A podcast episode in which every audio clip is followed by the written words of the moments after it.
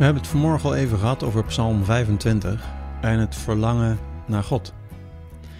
Maar ja, dan zou je natuurlijk kunnen zeggen dat je met verlangen alleen je er niet komt. Als je ergens naar verlangt en niets doet, dan blijft dat verlangen alleen een verlangen. Verlangen, daar moet je iets mee doen als je dat verlangen in vervulling wil zien gaan. En de schrijver van Psalm 25 vraagt dan ook aan God: Leer mij uw wegen en paden te gaan, in vers 4. Stippel de route maar uit. Ik ga achter u aan. U bent mijn Google Maps, Heer. Laat me uw weg maar zien. Op u blijf ik hopen, elke dag weer.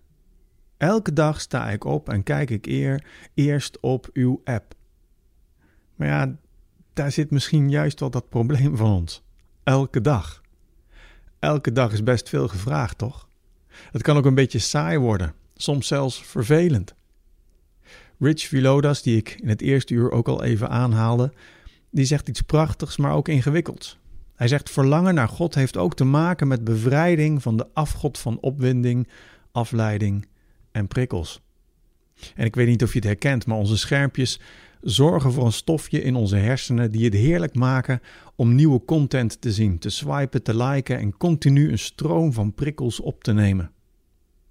Stil worden, luisteren lezen, goed gesprek voeren met de ander, lijkt dan wel een hele grote tegenstelling. En we verlangen wel naar God, maar hoe je vorm geeft aan dat verlangen is niet altijd even makkelijk. En Philodas zegt dus: we moeten ons bevrijden van de afgod van prikkels. En hij zegt: maak saaiheid normaal. Dat klinkt natuurlijk gek, maar ik denk wel dat hij gelijk heeft. Het normale, het rustige, is niet je vijand, maar vaak juist goed. Kleine kinderen, baby's, daar zeggen we van dat ze rust, reinheid en regelmaat nodig hebben. En als volwassenen hebben we dat eigenlijk nog steeds, zeker in ons geestelijk leven. Maak ruimte voor de ander om binnen te komen en stilte en rust zijn daarvoor essentieel. Maar goed, dan kan je zeggen: ja, prima, mooi gezegd, maar ik dwaal altijd af. Het lukt me niet. Ik faal, ik zondig, ik struikel, ik bid en ik val in slaap. Ik maak fouten waar, waarvoor ik vergeving vraag en de volgende dag doe ik ze weer. En ik, ik vergeet, ik maak ruzie, ik ben gefrustreerd. En zo gaat het maar door.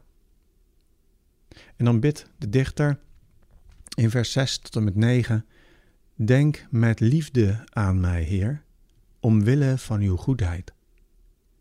Vers 8: Hij wijst zondaars de weg. Oh, prachtig, er is hoop. Er is hier geen afwijzing, maar er is bemoediging. Dat God met je meegaat, is niet alleen maar voor een perfecte groep van christenen, maar voor zondaars. Hij wijst zondaars de weg.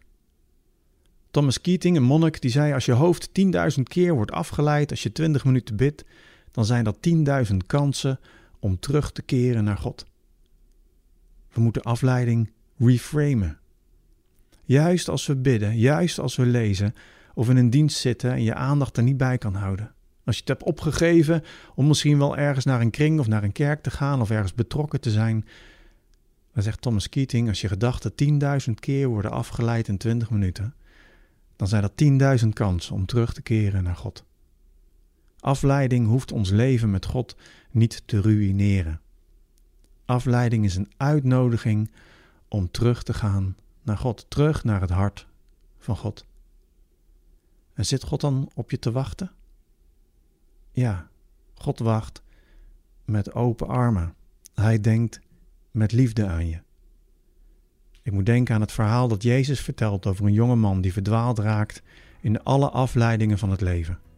En na een tijdje komt hij gevuld met schaamte en een lege portemonnee terug en staat zijn vader met open armen te wachten ook op jou vanmorgen. Heb een goede dag.